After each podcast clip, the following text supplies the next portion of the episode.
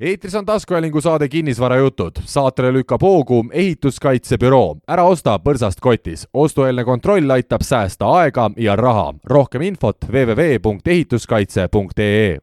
ja Kinnisvarajutud podcasti kolmekümne üheksas osa. üks saade on veel juubelini minna. koosseis saatejuhtidena endiselt sama, Siim Semiskar ja Algis Liblik. tere, Algis! tere, Siim! oleme siin Manta Maja stuudios, meil on täna väga pikk salvestuspäev, tuleb üks äh, samasugune veel, et algis saaks minna suvepuhkusele, on nii? ei, tegelikult ma pigem mõtlesin, et säästan sind, et äh, ei, jaa, peab puhkama küll suvel ka, jah, olen, olen nõus. ma arvan, et su abikaasa kuulab seda ja noogutab äh, kiitvalt pead, et saab oma, oma kalli mehe ka natukene suvisele lainele ehk. no tahaks loota aga. väga jutukas oled no ma lihtsalt ootan saadet nii väga, sest meil on nii äge külaline, et ma tegelikult äh, olen pikka aega juba, juba tahtnud teda meile siia saatesse külla saada, aga aga inimese kalender on nii tihe, vaata, et äh, tuli mitu korda edasi lükata, nii et lõpuks on ta meil kohal. aga seda rõõmsamad me oleme täna, et meil on siin üle laua kinnisvarainvestor Helena Kuslap, tere! tere väga rõõm, rõõm olla siin ja vastab see tõele, et sinu kalender on nii tihe, et algis on korduvalt äh, soovinud äh, sind meie saatesse, aga seni ei olnud veel õnnestunud?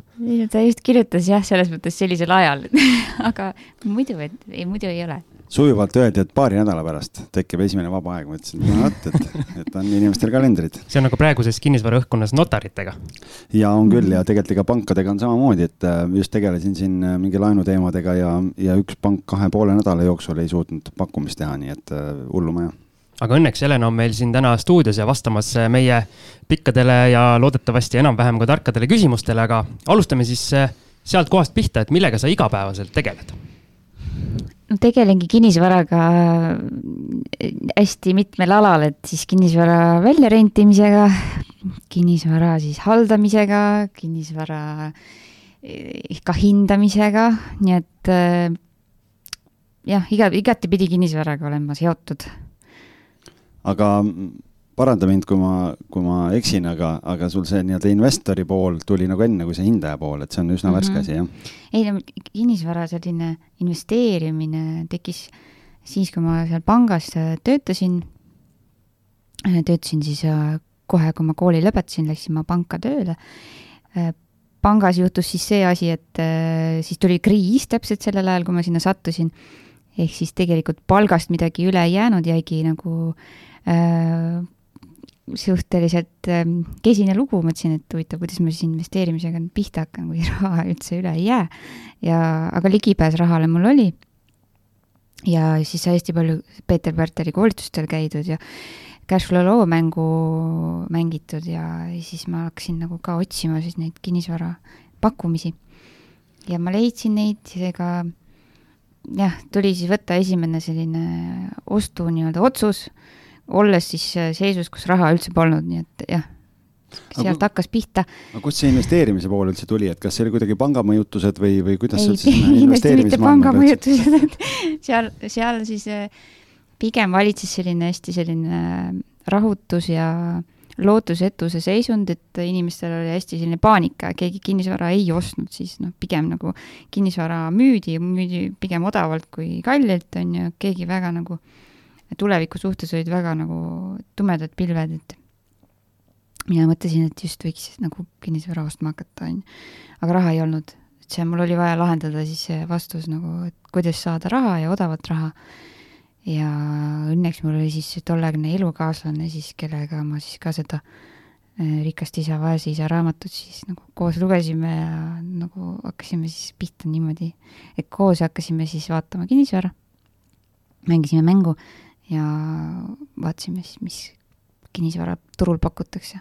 Aga kas see julgus tuligi sellest cashflow lauamängust ja sellest, et sa seal koolitustel käisid, et ütlesid hästi hea sõnapaari, et ligipääs rahale oli, aga raha ennast ei olnud, et seal peab ikkagi mingi selline pealehakkamine ja julgus olema, et sellesse pea ees sisse hüpata siis? julgust, vaata julgus vist tekib läbi äh, aja nagu tegelikult, et mina äh, lapsepõlves olin pigem arg, ma ei julgenud inimestega ka suhelda, eks, et mul julgus tuli läbi selle, et mind visati nii-öelda lettima, siis hakkasin inimestega rääkima ja noh, ja siis läbi selle kasvas nagu julgus. kinnisvaras täpselt samamoodi, et kui sa nagu hakkad alles esimest objekti vaatama, sul ei olegi seda julgust, et see ära osta. seda otsust, see esimene otsus ongi võib-olla kõige raskem teha üldse, et nüüd ma selle ostan. aga kui sa otsuse ära oled teinud, siis sa liigud nagu järgmise sammuni edasi ka. Kui sul järjepidevalt nagu samm-sammult, pisikeste sammudega, mina liikusin niimoodi. alguses kohe ei julgenud mingit kortermaja arendust teha, et see ongi, et kuidagi siis said esimesed korterid ostetud mis mis kõige esimene korter oli, et või hakkamegi võib-olla sealt otsast siis pihta, et äh, mis see esimene ost, kuidas läks ja, ja kuhu? Noh, ma natuke räägin võib-olla lapsepõlvest ka, et kus mul see kinnisvara huvi vaata üldse tekkis, on ju, et noh, lapsepõlves tegelikult need, need elamistingimused, kus mina üles kasvasin, olid nagu siuksed, mida ma otsustasin, et ma elu sees ei tahaks enam sellist asja endale. et äh, see, kus mina üles kasvasin, oli selline hästi pisikene ühikatuba, et mul mõlemad vanemad tegelikult olid kõrgharidusega, aga nendel lihtsalt eh, ei olnud nagu elamis nii-öelda, isa oli mul Ukrainast, tema laenu ei saanud, et siis va vahetus täielikult see aeg, et vanasti oli Nõukogude Liit, siis anti lihtsalt korterid niisama, eks. et siis järsku nagu see muutus, enam korterid niisama ei saanud, et tuli selline laenumajandus millega keegi väga nagu alguses nõus ei olnud, minu vanaisa ja vanaema olid täiesti laenu äh, vastandid, et äh, mitte mingil juhul ei tohtinud laenu võtta. kurjast, laenu kurjast? jaa, laenu kurjast ja seda ei tohi kasutada ja seda kohe ära maksta. et siis minu ema ja isa nagu kasvasidki sellises nagu keskkonnas üles, et äh, laenu ei tohigi võtta. ja mis tähendas tegelikult seda, et, et elamistingimusi noh, ei saanudki paremaks, sellepärast et, et palgast äh, midagi väga nagu üle ei jäänud, et kuluski nüüd ära kõik. aga ja elamistingimused nagu kuidagi paremaks ei läinud, et ma mäletan jah, väiksena äh, vahest ma isegi kartsin koju minna, sest alati jõlkus keegi, mingisugune seltskond seal maja ees, eks. mina olin selline noor tütarlaps, mõtlesin, kas, kas ma koju saan või ei saanud. ja siis mingil hetkel siis käis selline klikk nagu ära, et, et, et kinnisvara on nagu see, mis ma noh, tahaks paremaks teha, et või tahaks nagu neid elu, elutingimusi nagu paremaks teha ja kuidagi läbi selle on tekkinud see tahe, see, see soov läbi lapsepõlve nii-öelda siis trauma või need, see ei ole päris trauma, aga kuna seal oli nii suur puudus, siis nüüd ma nagu tahaks nagu luua midagi sellist paremat ja ilusamat ja, ja siis jah, et see kinnisvara huvi algas siis sellest, et ma hakkasin vaatama sellist väga koledat kinnisvara selliseid rääbis kortereid väga nagu noh, selliseid kortereid, mis vajavad remonti, kus, kus ma peaks midagi tegema selleks, et see saaks paremaks. ja, ja sellega mul hakkaski nagu siis jah, tasapisi siis, kuna siis pangast oli võimalik laenu saada, esimene üürikogemus oligi seesama korteriga, kus ma siis elasin lapsepõlves, eks, seesama ühikatuba, see oli mu ema korter tegelikult. Aga ma sain siis nagu selle kogemuse, ma sain siis välja rentida seda. Ja siis ma nii-öelda siis esimene korter, mis ma ostsin, oli siis enda kodu.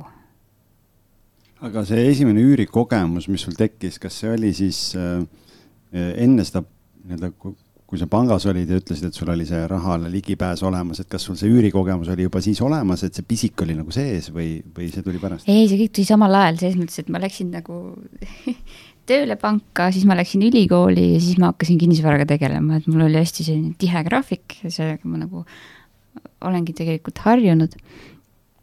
et kinnisvara on alati olnud selline nagu lähed koju ja siis hakkad kinnisvaraga tegelema alles nagu meil just eelmises saates olid siin noored Tartust olid külas ja ja rääkisid ka, kuidas õhtuti siin poole üheteistkümneni toimetavad ja, ja, ja mõnikord veel öösel voodiski arutavad kinnisvara teemasid, nii et tundub, et see kodune kinnisvara teema on meie saatekülalistel nagu veres. kuidagi ongi jah, et mäletan, läksidki koju, oli õppida ka veel palju, aga tapeeti oli vaja veel kakkuda, on ju, ja siis oligi hästi hästi alguses ju tegelikult sa tahad kõike ju ise teha, et ei taha ju üle maksta, et polegi raha maksta seal ehitajatele väga ja siis sa teedki hästi palju vigu, see kõik maksabki nagu pärast sulle noh, aga, aga samas see on õppeprotsess selleks, et sa teaksid, mida üldse nagu pärast äh, öelda siis ehitajatele ja mida siis tahta, et siis kuidagi jah. Aga kui sa neid Räämas korterid hakkasid vaatama, siis et kas see esimene ost äh, oligi siis, oligi siis mingi selline vuntsimist vajav äh, flipikorter või, või renoveerisid ära ja panid üürile? no esimene, see oli, esimene oli emotsiooni vastu, ma ostsin endale kodu pärast seda üüri nii-öelda siis see ühikatuba siis, kui sealt sai ära nii-öelda mindud, siis ma ostsin endale ilusa korteri. Et siis ma ostsin nagu uus areng, et täielik kontrast jah, selle selle sai nii soodsa hinnaga, nüüd tagantjärgi mõeldes, siis, siis oli see ikka suur raha. mõtlesin, kust see tuleb, et see, seda, lihtsalt seda pole ju noh, see on nii kallis. ja see oli uus arendus jah. et siis uus, uusarenduste hinnad ka tegelikult langesid väga palju. uusarendused tahtsid oma rahad äh, nii-öelda kätte saada ja ma julgesin saata sinna mingi üliodava pakkumise. ja millega arendaja oli siis nõus mis linnast me räägime? Keilast. Keilast, vot nii mm. -hmm. tegelikult Keila linnast minul nagu, ma kasvasin seal üles, et sealsamas ühikas ma siis ju elasin seal Keila linnas. ja noh, ega Keila, jah, Keilas on olnud äh, mitu korterit vahepeal, nüüd, nüüd enam mul ei ole korterit Keilas, nii et aga Keilast sai nagu alguse see kõik aga tõmbame siis laiemaks, et ütlesid, et Keilas enam objekte ei ole, kus siis äh, nüüd? Keilas on ikka objekte, et teised ikka investeerivad sinna Keilasse ka. minul endal minul endal lihtsalt enam Keilaga ei ole väga asja, et ma, mulle mingil hetkel ma hakkasin vaatama üle Eesti eh, kinnisvara. Siis, siis Tallinnas hakkas nagu kinnisvara tõusma, siis enam ei raatsinud lihtsalt eh, maksta nii palju, kui siin küsiti kuidagi nagu ongi kui sa oled saanud nii odavalt, liiga odavalt osta, siis sa nagu ei raatsi maksta rohkem, kuigi see on väärt juba, noh, sa saad aru, et tegelikult on äh, inflatsioon ja kõik ju läheb edasi, on ju, kinnisvara hinnad tõusevad ja siis sa mingil hetkel lihtsalt äh, juba tõmbad endale piiri, mingi limiidi ette, et siitmaalt ma enam ei maksa ja siis mul oligi täpselt selline hetk, kus ma mõtlesin, et appi siin Tallinnas on nagu nii kallis mis tagantjärgi võttes, et appi kui odav nagu oli et oleks võinud osta küll. kui palju me oleme kuulnud siin seda siin Priit Pedanikke, kes meil kõik on rääkinud siin sedasama juttu, et sellel hetkel, kui ostad, tundub nii kallis ja pärast. sellel mõtled, hetkel jah, kui, kui sa ostad, siis tundub see nagu, nagu üüratu hind, aga see, sellel hetkel, kuna raha väärtus on hoopis teine, sellepärast see tundubki, et nüüd, nüüd mitu aastat hiljem see on, raha väärtus on lihtsalt muutunud, sellepärast ongi aga kui sa sealt Keilast liikusid nüüd äh, ülejäänud Eesti peale edasi, et äh, mis kortereid sa üldse otsisid, äh, mis see alguses strateegia üldse oli, kui sa oma portfelli kasutama hakkasid? mul ei olegi olnud strateegiat, ma räägin, et see on kõik, minu kinnisvaraostud on olnud alati siuksed pigem nagu emotsionaalsed, intuitiivsed ja siuksed nagu, et lähengi nagu lähen kohale, tunnetan ära, et siin see on äge koht ja siis ma olengi nagu teinud neid otsuseid kuidagi sisetunde põhjal. aga kui sa portaali kammid, siis sa pead ju endale mingid, mingid väiksed filtrid panema, sa ei saa hakata kõiki kuulutusi järjest vaatama või sa vaatadki? jaa, no esiteks on nagu hind, mis, mille järgi ma olen vaadanud. sa vaatadki võib-olla selle järgi, et mis sul sellel hetkel, kui sa seda vaatad, et mis sulle tundub reaalne noh, sa ei vaatagi neid ebareaalse, ebareaalsete hindadega ilmselt objekte, et sa vaatad seda, mis sinu jaoks tundub reaalne. ja siis selle piires sa noh, teed mingisuguse valiku. ja kuidagi see Pärnu objekt äh, jah, see oli ka hästi nagu, kus algis on siis käinud ka, et millest on siis nagu. jaa, Helenal on, kui me nüüd hüppame korra, on Pärnus on hästi ilusad kaks maja ühe krundi peal mis on Airbnb korterid ja ma olen oma perega kaks korda ööbinud seal. et võin öelda, et see, kuhu ta välja jõudis oma otsingutega ja see, mis ta sealt valmis tegi, et, äh, et see on päris, äh, päris märkimisväärne, aga, aga, aga võib-olla noh, kas see järgmine siis oligi Pärnu oli siis, kus sa selle otsuse tegid või vahepeal olid mingeid vahepeatusi ka veel kuskil? tead, jaa, seal Haapsalus näiteks siis äh, noh, selle kogu perioodi jooksul ma igasuguseid kinnisvara kokku kraapinud ja kokku ostnud, et äh, neid on nagu nii seinast seina täiesti olnud, et praegu pigem ma olen nagu jäänud suurlinnadesse ja kesklinnadesse nagu, aga ongi Pärnu, äh, Haapsalu ja siis me nüüd Cashflow pundiga me teeme Viljandisse ühte kortermaja arendust, noh Tallinnas ka on meil nüüd noh, aga seal on vähe nagu kortereid. aga su jutust kõlas läbi äh, selline väide, et sa nii-öelda oled ostnud äh, emotsiooni ajal või emotsioon on see, mis sind seal korterit paneb ostma. aga öeldakse, et investeerimises tasuks just emotsioonid nii-öelda kõrvale jätta ja vaadata neid külmi numbreid ja kalkuleerida, et kas sina nii-öelda väidad, et ikkagi nii-öelda emotsioon on see sinu võiduvõti? no igaüks ilmselt lähtub sellest, mis teda nagu käima lükkab, eks, et äh, minul peab olema mingisugune emotsioon seal taga, et üldse nagu. mina arvan, et selleks, et sa hakkaks tegutsema, sul peab mingisugune põhjus seal taga olema nagu mingisugune noh, et kas see peaks nagu sind huvitama või see piirkond peaks sulle huvi pakkuma või sa peaksid vähemalt jagama, et siin on hea kinnisvara, et sihukest nagu tuima asja mulle nagu ei meeldi teha jah, et noh, loomulikult seda äh, saaks, aga, aga näiteks ma ei tahaks omada sellist kinnisvara, mis on selline äh, hästi tootlik, aga näiteks selline, kus äh, mida noh, need elamistingimused näiteks ei vasta sellele, mis, mis ma tahaks nagu luua. et ma, ma ei taha sellist kinnisvara enda portfelli nagu. aga kui sa nüüd, kui me nüüd liigumegi sinna, et noh, et sa paneme võib-olla ajaperspektiivi ka, et sa ütlesid kriisi ajal seda nagu alustasid kunagi, et äh, kas sa nüüd, kas me räägime kaks tuhat kaheksa kriis, mis juhtus või jah, et siis yeah. tänaseks on siis kümme-viisteist aastat äh, vahemik, et, et kas sa oled terve selle aja jooksul nüüd selle kümme-viieteist aasta jooksul hoidnud ikkagi mingit, mingit sellist fookust, et sa oled nagu pidevalt nii-öelda, kuidas ma ütlen, käed mullased olnud või, või on, äh, on see kuidagi käinud nagu lainetega?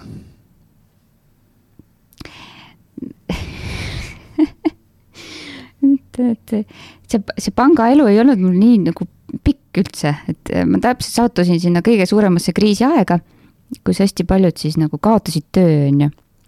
et siis pidid hästi paljud ringi mõtestama kõike, igasuguseid, noh, kui sa olid harjunud olema mingis rollis, sul oli töökoht ja siis järsku enam ei olnud, siis sa pidid ju leidma endale täiesti uue rakenduse elus, on ju et, et praegu koroonaaeg on noh, väga sarnane sellele, et äh, väga paljud nagu peavad ennast nagu ringi mõtestama, uue rolli endale leidma ja et äh, kinnisvaraga siis alustades oli äh, need, need võimalused olid nagu tegelikult siuksed jõhkrad nagu ägedad, et aga, aga siis ei näinud mitte keegi seda selliselt, et kõik nägid seda pigem nagu, et äh, et saaks sellest kiiresti lahti nagu kinnisvarast, et äh, saaks nagu mingigi raha endale, et äh, praegu on nagu vastupidine, et praegu pigem nagu tahetakse just sularaha suunata kuskile, tundub, et see, et paneks selle kinnisvarasse, on ju, et.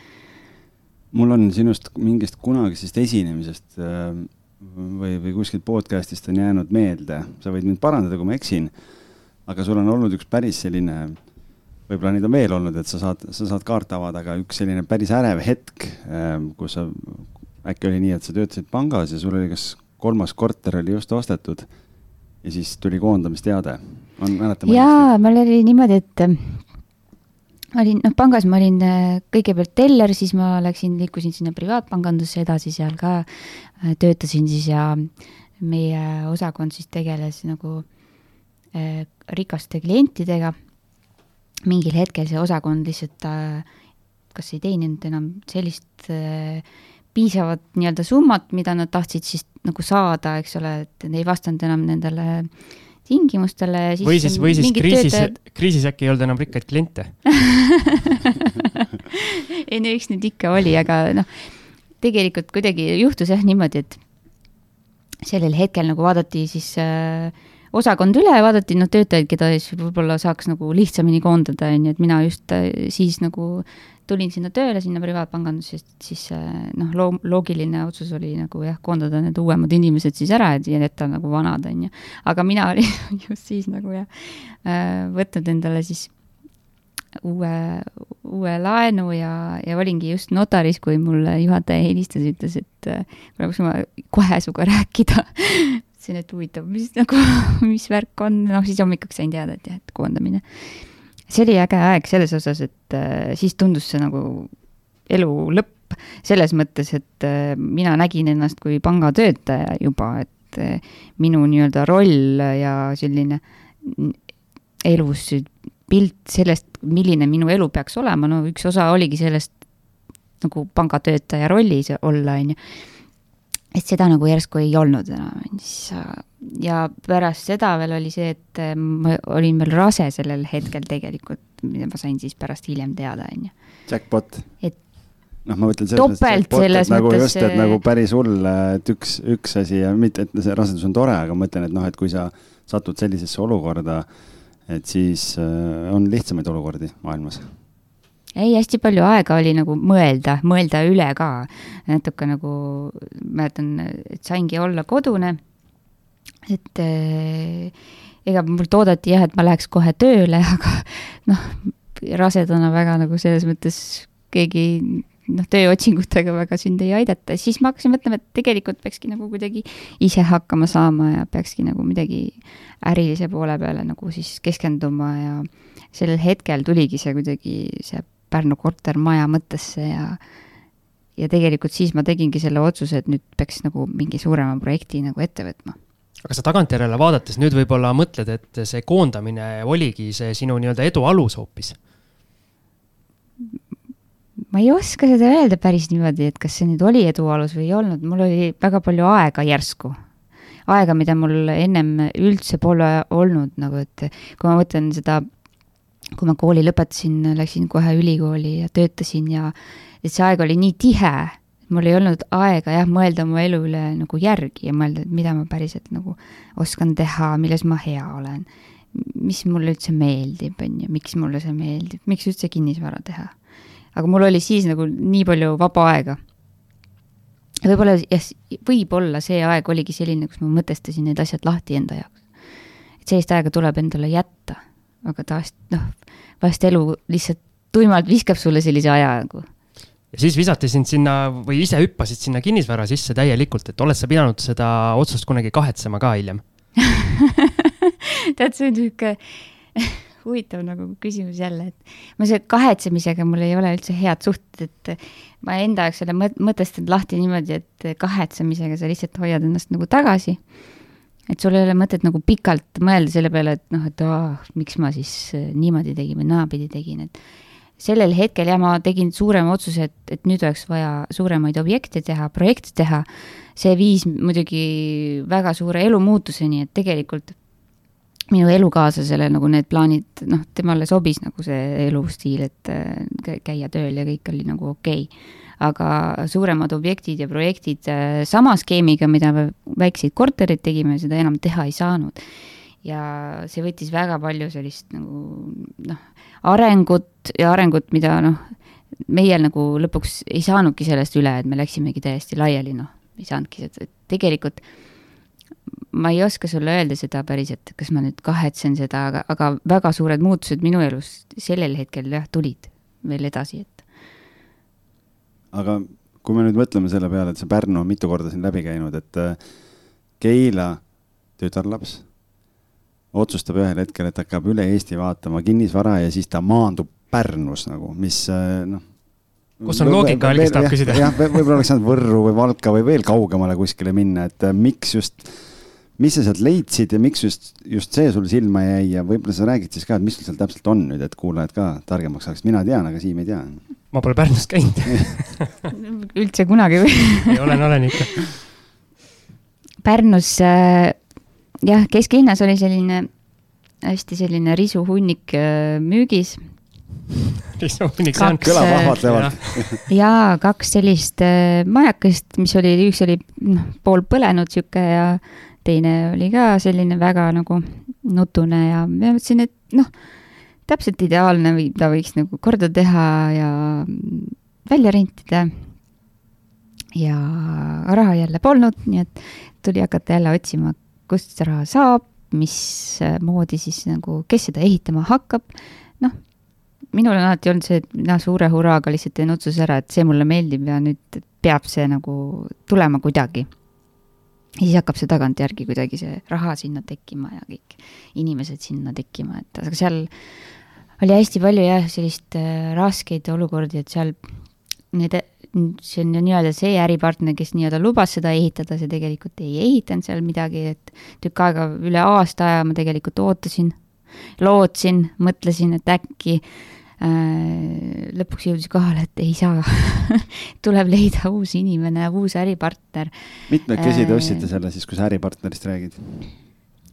no mul oli siis elukaaslane ja siis oli elu, äripartner ka, et siis kuidagi niimoodi. okei okay., ja see äh, äripartner siis ei olnud väga vaimustuses ei, sellest tema ostust? jaoks oli see liiga nagu pisikene projekt, et tema nagu mõtles, et noh, võiks teha, aga samas noh, mingisugust emotsiooni tal sellega ei olnud ja ja ma mõtlesin kohe, et ah, siia, ei saa, siia saab nii väikseid kortereid ainult teha ja aga kas see objekt siis seisis aasta aega sul? no seisis mitu aastat, aastat? et äh, ma sain ta ostetud niimoodi, et müüja ei tahtnud kohe raha saada, kogu summat ja tegelikult omaniku laenuna eh, osaliselt siis räägime kohe lahti, sorry, et ma vahele segan, omanikulaen, et kuulajatele ka, et mis see tähendab, kuidas see tehing üles oli ehitatud teil? no vahest, vahest, väga vahest võib juhtuda nii, et eh, see, kes müüb, see ei taha nagu kogu summat korraga saada, vaid et tal piisab sellest, et kui ta saab noh, mingi raha. pangakontole ei mahu rohkem, konto on nii täis. no seal oli tegemist sellega, et see, noh, see oli risuhunnik selles mõttes, et seal ei olnudki mitte midagi ei äh, pangale see nagunii ei sobinud tagatiseks, see noh, maa oli, eks, et ja, ja see ehitusõigus seal peal, noh, see oligi ainuke, mis seal väärt üldse oli. ja selgitasin siis, tegelikult siin ma ei saa seda kasutada kuidagi. laenu ma sellele tagatiseks ei saa, seega noh, tahaks osta, aga raha pole väga, noh, ta on noh, pool sellest võib-olla leiaks, aga ülejäänud nagu ei, ei ole, on ju, siis me saime niimoodi kokkuleppe, et kahe aasta jooksul eh, siis on mul kohustus see välja osta. ja siis sellel hetkel tuligi siis äripartner, kes nii-öelda ostis selle nii-öelda esialgsed müüjad eh, selle teise osaga välja. ja siis tuli nagu minul leida siis raha, et see äripartner välja osta, et kogu aeg sealt, terve selle aja jooksul on kogu aeg vaja olnud keegi välja osta, kuskilt välja osta, mingisugune raha leida. noh, niisugune raha leidmise kogemus on see olnud terve see aeg. aga ma siis küsin meie kuulajate heaks kohe ära, et kust äh, Eestis tasub raha otsida või kus need kohad on, kus raha maas vedeleb, et äh, mine korja ära? ma ei ole nagu maa ma,, maas vedelevat raha veel ise leidnud. et pigem see on nagu, kus sa, kus sa küsid.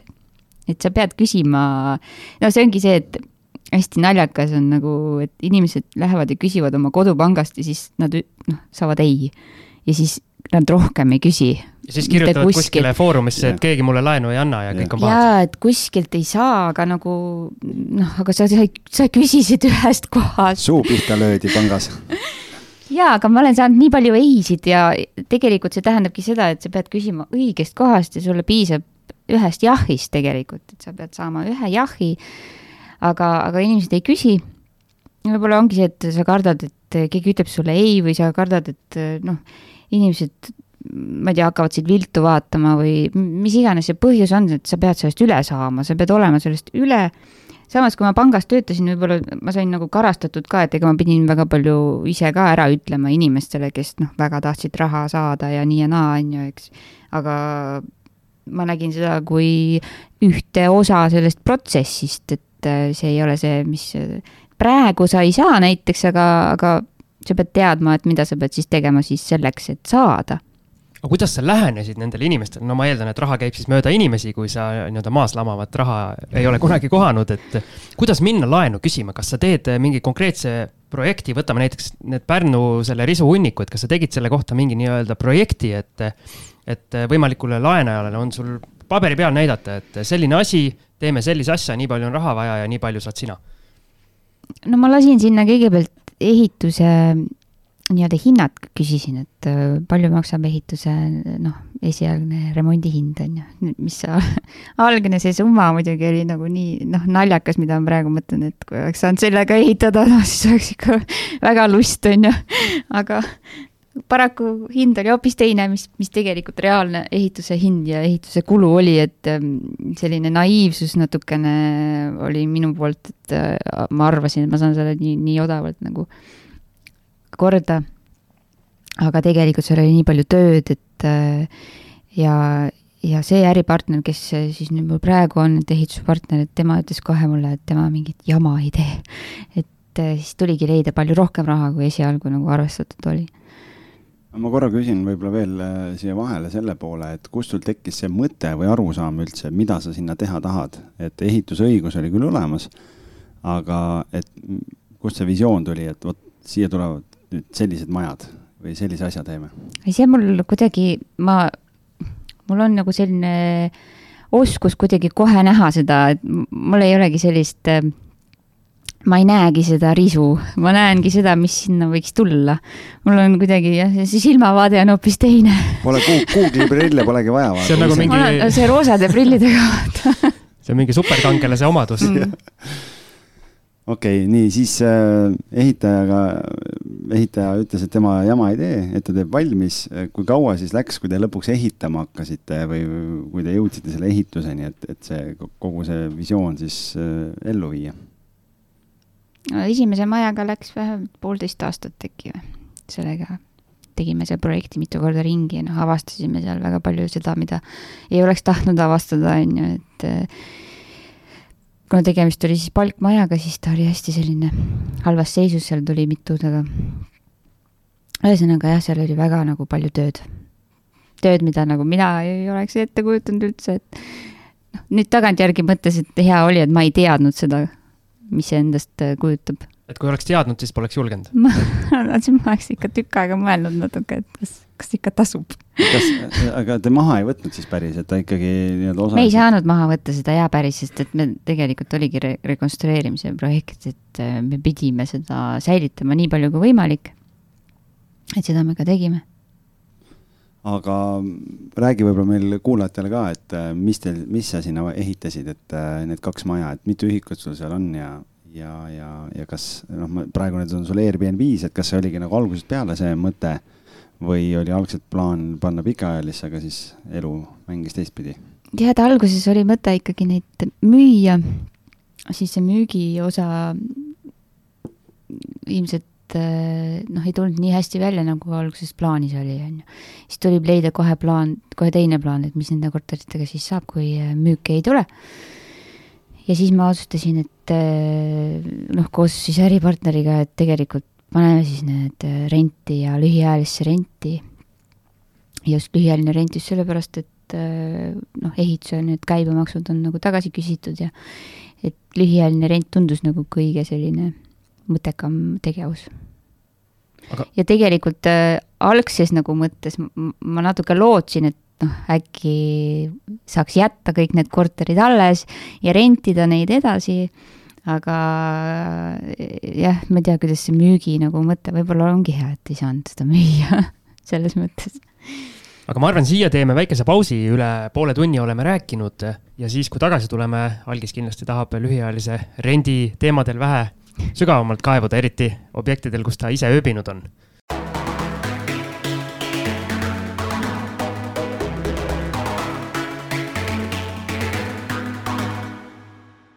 ja pärast väikest vahepausi Algisel on suu kommi täis. Algis, kommenteeri midagi. kuna päris head kommid oled ostnud, et, et said hakkama.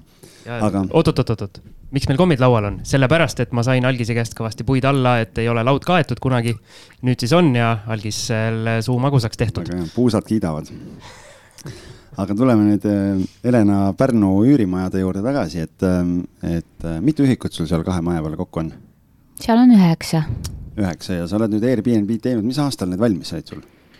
kaks tuhat üheksateist. Ahah, et nüüd siis äh, aasta aega said pidu.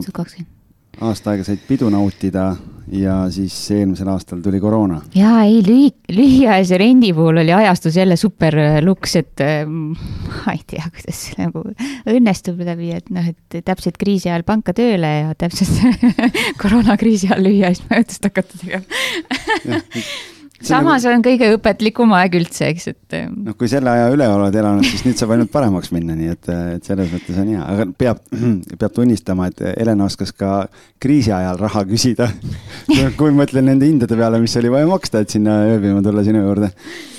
ja algis nii-öelda tippmaklerina jaksas, jaksas maksta, tundub. noh, eks vahepeal show-off'i ka tegema aga. ma enne küsin, kui me nii-öelda konkreetselt äh, nende objektide lühiajalise rendi juurde läheme, kui kaua lõpuks sellest risuhunnikust äh, kuni valmis, äh, valmis objektideni, kaua sul lõpuks siis aega läks? noh, ütleme nii, et selle, selle puhul see on mul kõige pikem projekt üldse olnud ilmselt, et kaks tuhat kolmteist oli see mõte seda osta, et kaks tuhat üheksateist sai see siis valmis, on ju, et noh kaua, kaua tehtud kaunik. ütleme, kaks tuhat viisteist hakkas midagi seal pihta, väikene lammutustöö, aga sinna see jäi ja siis seisis, seisis, seisis, kuni siis kaks tuhat kaheksateist, ei, kaks tuhat, kaks tuhat seitseteist tuli siis uus äripartner, et siis saime nagu edasi sellega liikuda. aga mitu aga korda nii... sul oli selline plaan, et lõpetaks selle jama ära ja pakiks asjad kokku, müüks maha ja saaks käed need, puhtaks? aga need mõtted käivad nagu minu meelest vahet ei ole millega, see, see käib ju siis iga kord, kui on raske, siis korra tuleb see mõte nagu, aga siis sa jälle nagu mõtestad enda jaoks lahti, et mis siis on sinu jaoks oluline, et kas sa tahad siis nagu lihtsalt saada kiiret raha või siis tegelikult tahad õppida, areneda ja nagu päriselt ära ka teha selle, et mina mõtlesin, et samas ma ei ole nagu, see ongi olnud minu tahe, minu soov seda teha. ma olen näinud seda oma vaimusilmas, et kui ilus ja äge see kõik saab olema et nagu, kes siis veel peaks seda tegema, kui mitte mina mulle investorina meeldib see, et kinnisvara müümine tegelikult on üsna pikk protsess, et ei ole nii, et näiteks eh, nii-öelda aktsiainvestoril, kui tekib selline nii-öelda must hetk, et tahaks kõigest lahti saada, siis eh, vajutad ühe korra nuppu ja kõik on läinud, aga ütleme, mingit korterit või risuhunnikut Pärnus eh, sa nii, nii kergelt müüa ei saa, et see võtab oleneb ikkagi aega. hinnast okay. alati oleneb hinnast, vaata, sa võid ükskõik mis asja, noh ma mäletan notaris ka kuldsed sõnad, et äh, me müüsime, ma mäletan mingisugust ka korterit, noh, mida me nagu enam ei tahtnud oma portfelli. ja siis notar ütles ka, et noh, igal asjal on oma hind, et muidu te ei oleks siin ei, ma mõtlen, jaa, aga juba see notarisse minek ja kõik see, et see võtab nagu rohkem aega, kui see murdosa sekundit, kus sa nuppu vajutad. et, et on, jõuad veel ümber mõelda. jõuab ümber mõelda, just ja aga... kinnisvaras tegelikult ei käi midagi nii kiiresti. Et äh, kui mõni on harjunud nagu aktsiatega raha teenima, et sekunditega saad osta, sekunditega saad müüa igal hetkel nagu, et kinnisvaras ei ole jah seda, et sa pead reaalselt nagu füüsiliselt minema mõnikord kohale, päriselt vaatama ka, mis asi see on, notaris ära käima. ja peab et olema kannatlik, kui sul on kuus aastat aega ikkagi või kannatust seda ühte, ühte objekti seal vuntsida ja neid asju mm -hmm. ajada, siis tundub, et Helenal seda kannatust on kõvasti. ei, ei ole, mul on tegelikult vastupidi, mul kriiskav kannatamatus sees nagu, ma just mõtlen, et huvitav, kust nagu, et see kannatlikkus tuleb ajaga, aga tegelikult äh, ma olen pigem nagu vastanud sellele, mulle meeldiks, et see asi oleks kohe valmis ja kiiresti valmis, et sihuke rahulolematuse Äh, pisik on minu sees väga-väga kõva, et mulle selline nagu jokutamine ja passimine nagu üldse ei sobi. Aga siis sobibki ju lühiajaline rent, kuhu me nüüd jah, ma võib-olla enne, kui ma selle lühiajalise üürimise kohta küsin, lihtsalt küsimus selle finantseerimise kohta, et kas nüüd see äripartner, kes siis tuli äh, sinna, et te ostsite siis nii-öelda noh, põhimõtteliselt nii-öelda oma kapitaliga tegite kogu selle asja valmis või on ikkagi sinna panga finantseering ka juurde võetud oh,? oleks see vaid nii tead, kui sul on omakapital, siis sa nagu, siis sa ei teegi neid äh, pisikesi kortereid, siis sa võtad juba mingi suure objekti ja sa paned oma raha, paigutad sinna, kus on nagu äh, stabiilne tulu ja, ja sul on, sa oled nagu nii-öelda sellel kiirteel.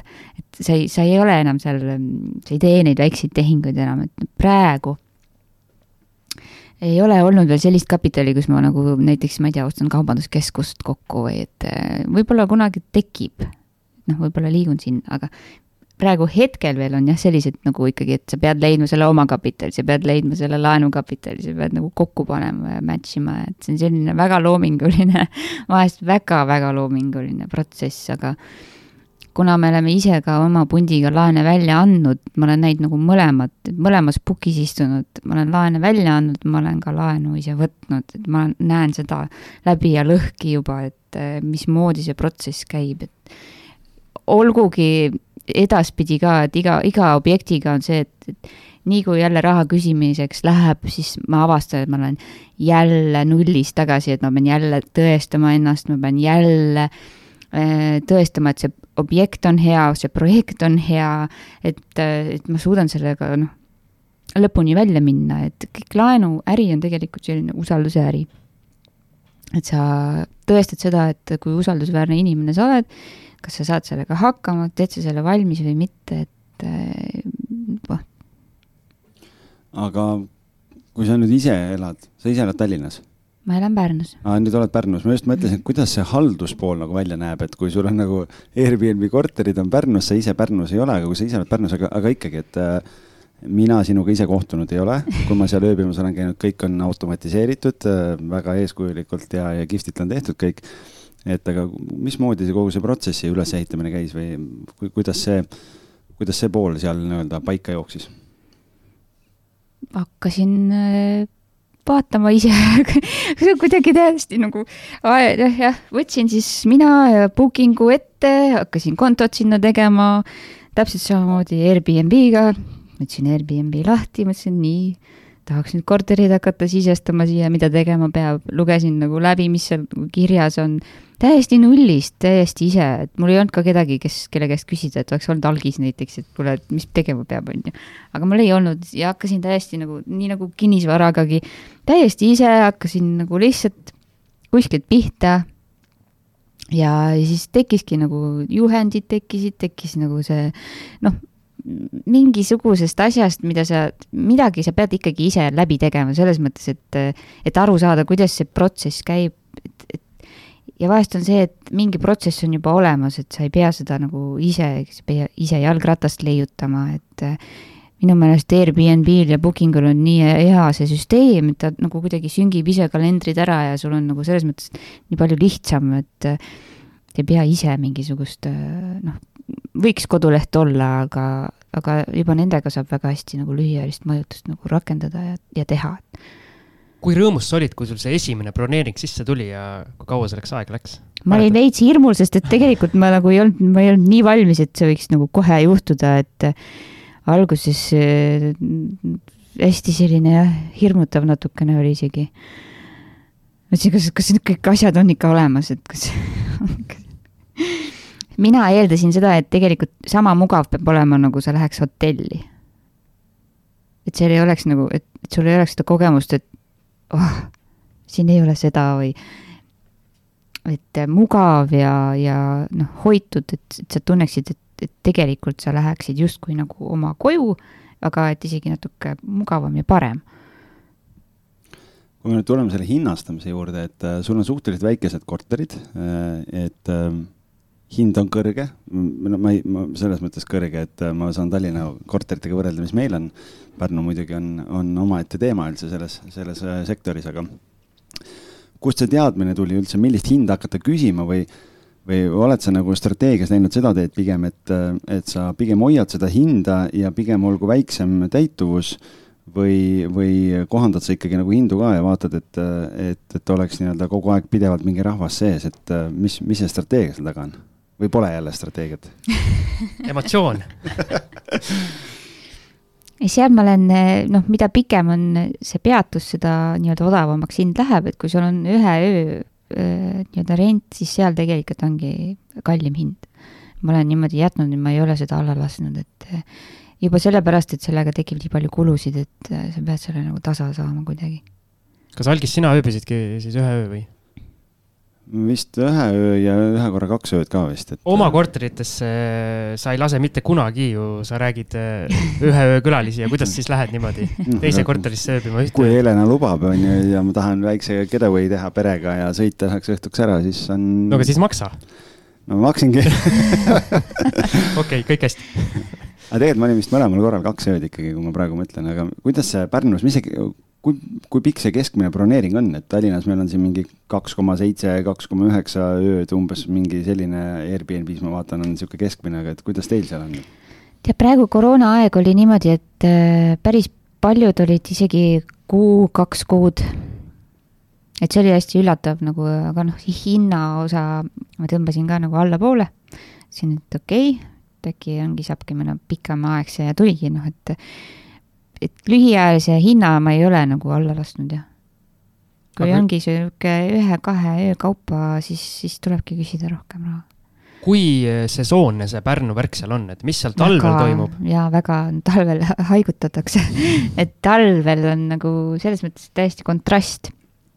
mulle endale see meeldis, et, et just selline nagu koht, sa lähed nagu rahulikku keskkonda, et seal ei ole sellist nagu ärevust, seal ei ole sellist tõmblemist, et pigem on Tallinnas nagu selline ärevus, tõmblemine, natuke nagu selline noh, ärapanemine, et Pärnus on kohe kuidagi nagu rahulikum tempo ja aga talvel ongi seal väga rahulik. aga suveks kolib see ärapanemine ja tõmblemine siis Tallinnast kõik Pärnusse? kolib sinna Pärnusse ja noh, seal natuke isegi liigne selline rahutus on seal selle suveperioodil, aga suveperioodil jah, sul tulebki siis, sul on ikka väga lühike aken.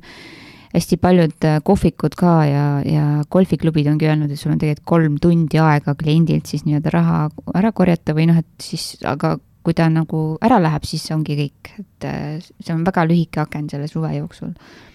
ja kui sa siis noh, valesti hinnastad, siis noh, jah, lähebki nagu väga mööda ma, mul on plaan minna see suvi Pärnusse, seekord mitte Helena juurde, et, et äh, pere on nii suureks läinud juba, et mul on natukene suuremaid pindasid vaja. mitu korterit võtma kõrvuti seal? peab ütlema, et paganama hästi läheb sellel suvel teil, kui vaadata seda, kui vähe kohti on saadaval ja millise hinnaga, et, et tundub, et siseturism ikka praegu nagu täiel, täie hooga nii-öelda ruulib, et kuidas on, on sul kalendrid täis kõik juba?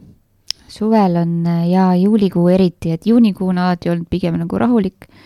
Juuli ja august on olnud selline, kus tõesti inimesed nagu äh, book ivad ja, ja seda kalendrit tuleb väga jälgida, et ei tekiks topeltbronne isegi, et mõni nagu samal sekundil broneerib kuskil nii Airbnb-s kui Bookingus, et lausa seda on olnud, et et isegi need kalendrid on vahest olnud erroris ja et, et tulebki see topeltbroneeringuid, et see on nagu natuke nagu, siis pead otsima mujale inimest paigutada, et see, et seda nagu ei tahaks. Siin äh, ma viitan tagasi meie kolmekümne seitsmendale saatele vist, kus me Siimuga Airbnb-st rääkisime, et äh, kes topeltbroneeringuid ei taha, siis, äh, siis võib seda saadet kuulata, et seal, seal ma andsin mõningaid näpunäiteid selle kohta, aga, aga ma küsin pigem niipidi, et see lühiajaline üürimine on ju, et, et me rääkisime siin ka Siimuga, arutasime neid teemasid ja, ja väga paljude jaoks tundub, et noh, et see on üks õudne värk ikka, et noh, üks pidutsemine käib ja mingi jama on kogu aeg, et on sul mingeid suuri jamasid ka olnud nende aastate jooksul?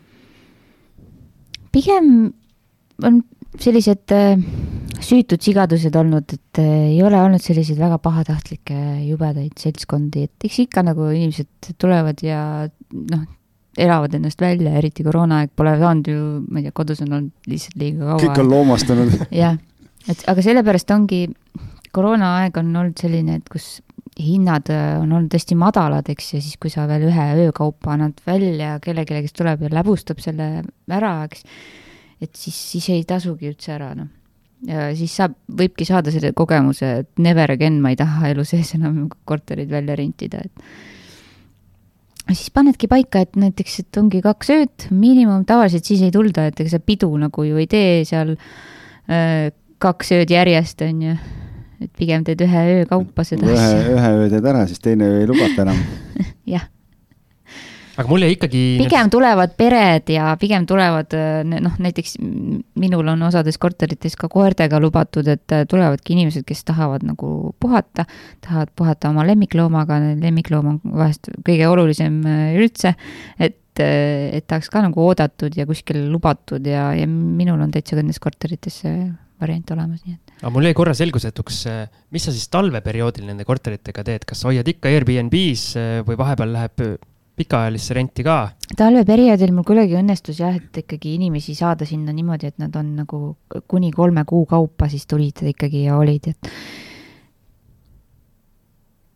ma tahtsin huvi pärast lihtsalt, mõtlesin, võtan Airbnb lahti kohe samal ajal ja vaatan üle, mis seal selle koha nimi oli, et saame inimestele ka välja hõigata, kes tahavad saadet kuulata ja siis äh, tunnevad, et nad tahaks Helena juurde minna, et oleks saanud kohe välja. ja siis saavad sealsamas korteris ööbides selle saate uuesti üle kuulata just. Melorel Apartments on äh, koduleht melorel.ee ahah, no vot, sealt Saab saate, saate info kätte ja siis sealt näete ka, kui ilusad majad need on, mis Helen on valmis teinud. vot ja siis, siis lamate seal õdusas voodis ja mõtlete, et see kunagi oli üks risuhunnik jube hea on see risuhunnikus ei no nüüd on ta ikka nagu täiesti totaalne muutumine on seal olnud, seda ei saa nagu võrrelda, nüüd on ta tegelikult samaväärne kui uus hoone täiesti.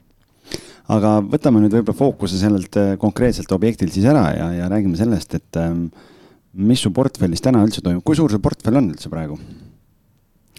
mul ei ole mingisugust mega suurt äh, kinnisvaraportfelli, et mul soov on, et see kunagi tekiks, on ju, aga. mis on sinu on... jaoks äh, mega suur, et äh, siin erinevatel tasemetel investorid, mõne jaoks oleks juba kolm korterit. inimesel on kaks üürimaja, ütleb, et noh, mega suurt portfelli pole. et kus see piir sinu jaoks või tähendab, kus see? no kuna ma olen näinud, eks ole, ja, ja neid kinnisvarafonde näiteks vaadata, siis nende noh, seal sada, sada miljonit on äh, selline nagu kinnisvaraportfell tavaline, et eks et minu nagu suur unistus on ka kunagi jõuda siis selleni. et hetkel veel on selline pigem nagu väiksem. aga kinnisvara on mul nagu erinevalt, et ma ei oma lihtsalt ise eraisikuna, eks ole, kinnisvara, et mul on need firmades. et äh, ja firmad on siis nii-öelda minu enda firmad firmad kellegiga koos, pundiga koos, ehm, nii-öelda emaettevõtted ja tütarfirmad, kus on siis kinnisvara igasugust, et praegu, mis on kõige mm, üks suurem projekt, mis me teeme, on siis kahekümne kahe korteriga kinnisvaraarendus Viljandi linnas, Hariduse kaksteist. Et see on meil selline uus värske nagu, et sinna Estate Guru kaudu me siis tegime projekti. kuidas seal läheb teil sellega? ehitus hakkas. ehk siis sa oled olnud äh, sealpool lauda, kus ühisrahastusest äh, võtad laenu?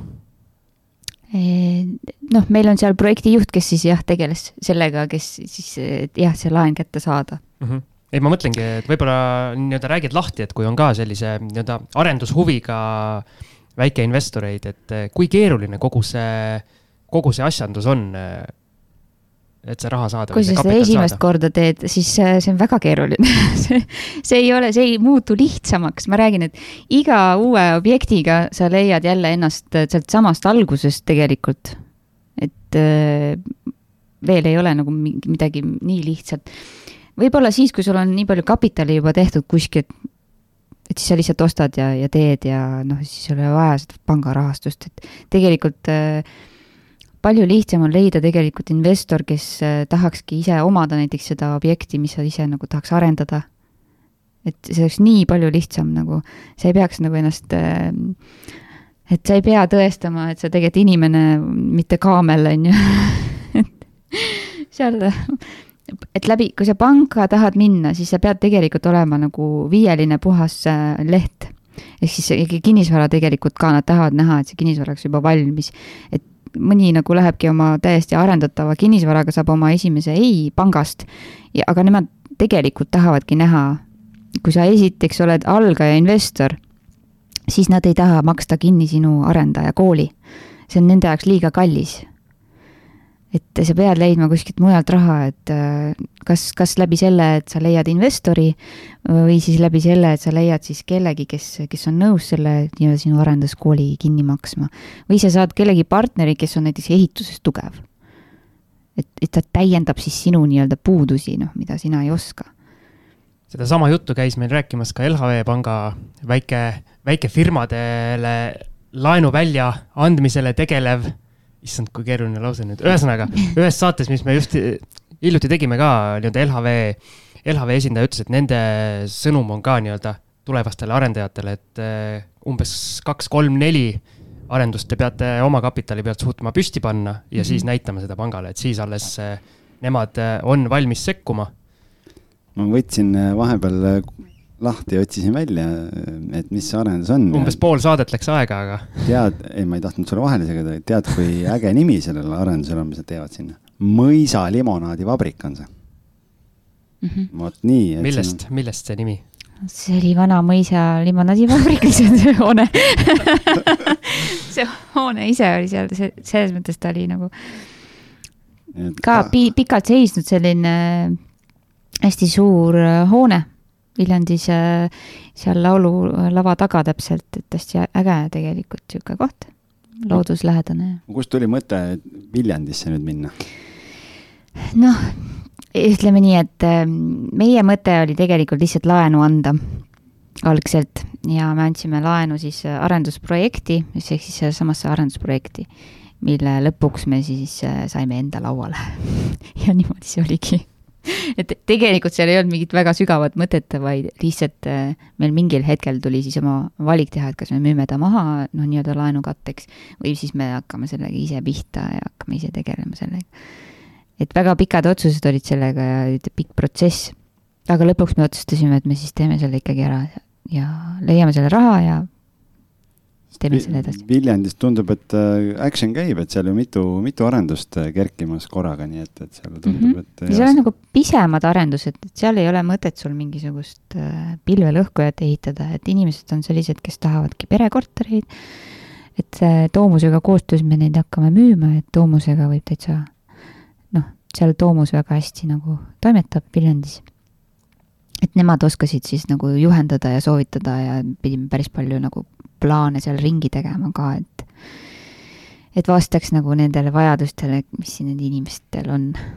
ma vaatan hindasid, et suurusjärk kaks tuhat euri ruut on, on Viljandis uute korterite hinnalevel. noh, ega siis ehituskulu on tegelikult sama. et kas sa ehitad Tallinnas või sa ehitad Viljandis või Kapa-Kohilas või ma ei tea, kus iganes kus iganes, ega siis äh, materjalid maksavad, töö maksab ja noh, kinnisvaras ongi väga oluline see asukoht, paraku Tallinnas on lihtsalt nii meeletu maa hind, et kui siin hakata nagu arendama, siis äh, need, need numbrid lähevad mõne peas väga kosmiliseks juba, et. aga kuidas sina vaatad neid uudiseid praegu igalt poolt aknast uksest pressib sisse, kuidas ehitusmaterjalid põhimõtteliselt tundidega kallinevad siin äh, no nii-öelda kosmilistesse suurustesse need hinnad, et kas sa vaatad väikese ärevusega ka, et teie nüüd äh, nagu sa ütled, see nii-öelda arendus hakkab kerkima, et eh, võib-olla see plaan, mis teil on praegu paika pandud, eh, ma ei tea, paari kuu pärast ei päde enam üldse. ja ei, sul võib täitsa õigus olla, ega tegelikult seal, see ongi jälle selline uus objekt ja projekt, et seal võibki tulla igasuguseid ootamatusi ette ja, ja tegelikult selle Pärnu majaga oli täpselt sama lugu, et sa hakkad millegiga pihta ja siis äh, jooksvalt võib tulla sulle koroonakriis vahele, siis mingisugune ehitusmaterjalide puudujäägi kriis ja, ja, ja jooksvalt hakkadki tegelema nende asjadega, et sa, sa mitte kunagi ei tea ette, mis asi sul veel siia vahele veel võib tulla, on ju. mingi laenu andmise kriis, me ei tea tegelikult. intressi suurenemine näiteks, kes teab. aga sellel hetkel sa hakkadki tegelema sellega, kui see nagu tuleb ja tekib, et midagi pole teha, aga ongi, ongi, materjale ongi väga nagu raske praegu leida, kui leiab, siis äh, kiiresti tuleb otsustada ja tegutseda, et mõni materjal tuleb Lätist tellida, siin polegi, jah. aga ma tõmbaks äh, selle teema võib-olla veel veidi laiemaks, et mis su isiklikud eesmärgid äh, seoses selle investeerimise ja kinnisvaraga üldse on, et kas juba see kinnisvara on nii nii-öelda südame külge kasvanud, et see on juba see asi, mida sa niikuinii elu lõpuni teed, et eh, olgu sul see finantsvabadus eh, kahe või kolme või kümnekordne ja suur juba miljardiline kinnisvarafond ka endal hallata näiteks, et, eh, et sa ikka toimetaks selles valdkonnas?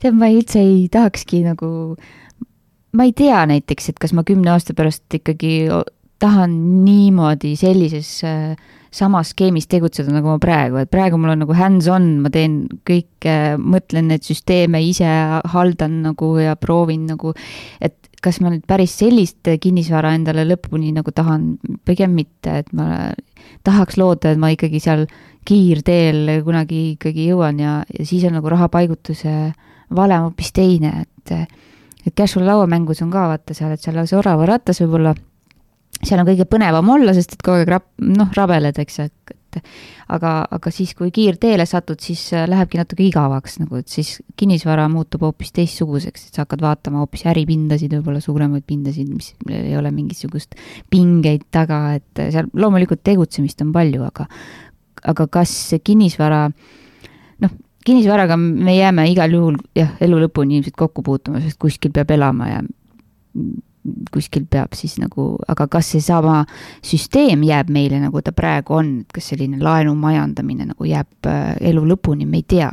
sest mingil hetkel äh, isegi mina oma lühikese eluea jooksul olen näinud juba raha muutust, raha vahetust, eks, et äh, me ei tea kunagi, millal see jälle uuesti tuleb, millal uuesti tekib mingi uus süsteem, eks, et kuidas kinnisvara jälle siis hakatakse nagu, et igal pool, kui on mingi üleriigiline mingi suur sõda või kes teab, et siis, siis kõik muutub, kõik võib muutuda täiesti, kinnisvara majandamine täpselt samamoodi võib täiesti totaalselt kümne aasta pärast muutuda, me ei tea. ühesõnaga liiga pikki ja põhjapanevaid plaane sa enda jaoks teha ei taha?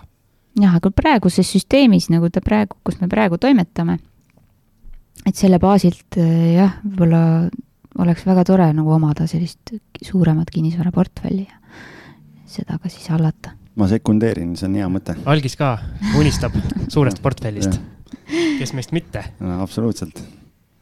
aga põnev sõit on olnud, et ma ei tea, kui kaua, kui, kui, mis tund, see seier näitab? tund. no nii, et, et siis äh, ma arvan, et hakkame otsi kokku tõmbama siin võib-olla, võib-olla lihtsalt lõppu veel, me ikka alati külalistelt küsime, et ähm, et kui täna meid kuulas nüüd mõni inimene, kes võtab hoogu alles, et alustada näiteks või on oma teekonna alguses, et ähm, mis sa soovitaks?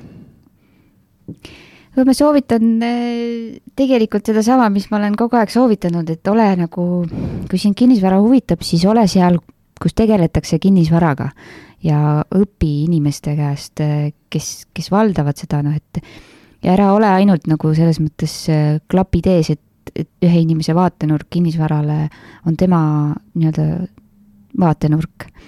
Et erinevaid inimesi tasub kuulata ja eriti neid, kes on siis midagi saavutanud, teinud, kelle moodi sa tahaksid olla, et hästi palju näiteks äh, kinnisvaraturu tunnetust, jah, sa saad näiteks maakleri käest küsida, eks seda, sa saad nagu hindaja käest teada, sa saad äh, koolitustel käia, inimestega suhelda, kes tegelevad kinnisvaraga, kes ostavad kinnisvara, kes müüvad kinnisvara.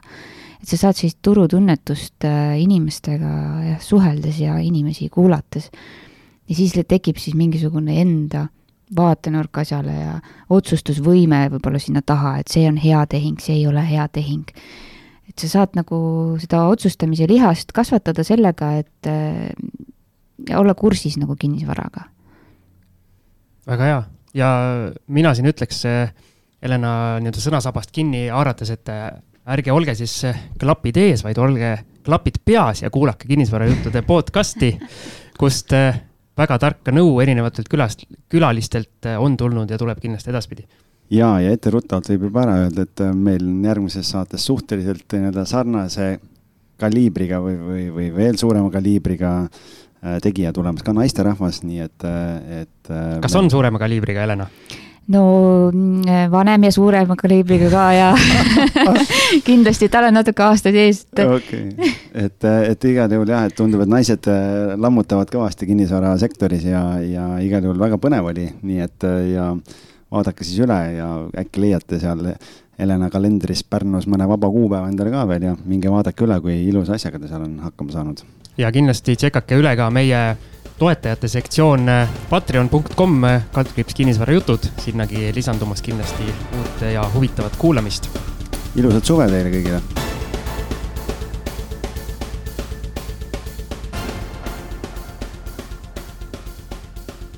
kinnisvara ostueelne kontroll aitab säästa aega ja raha. vaata lisa www.ehituskaitse.ee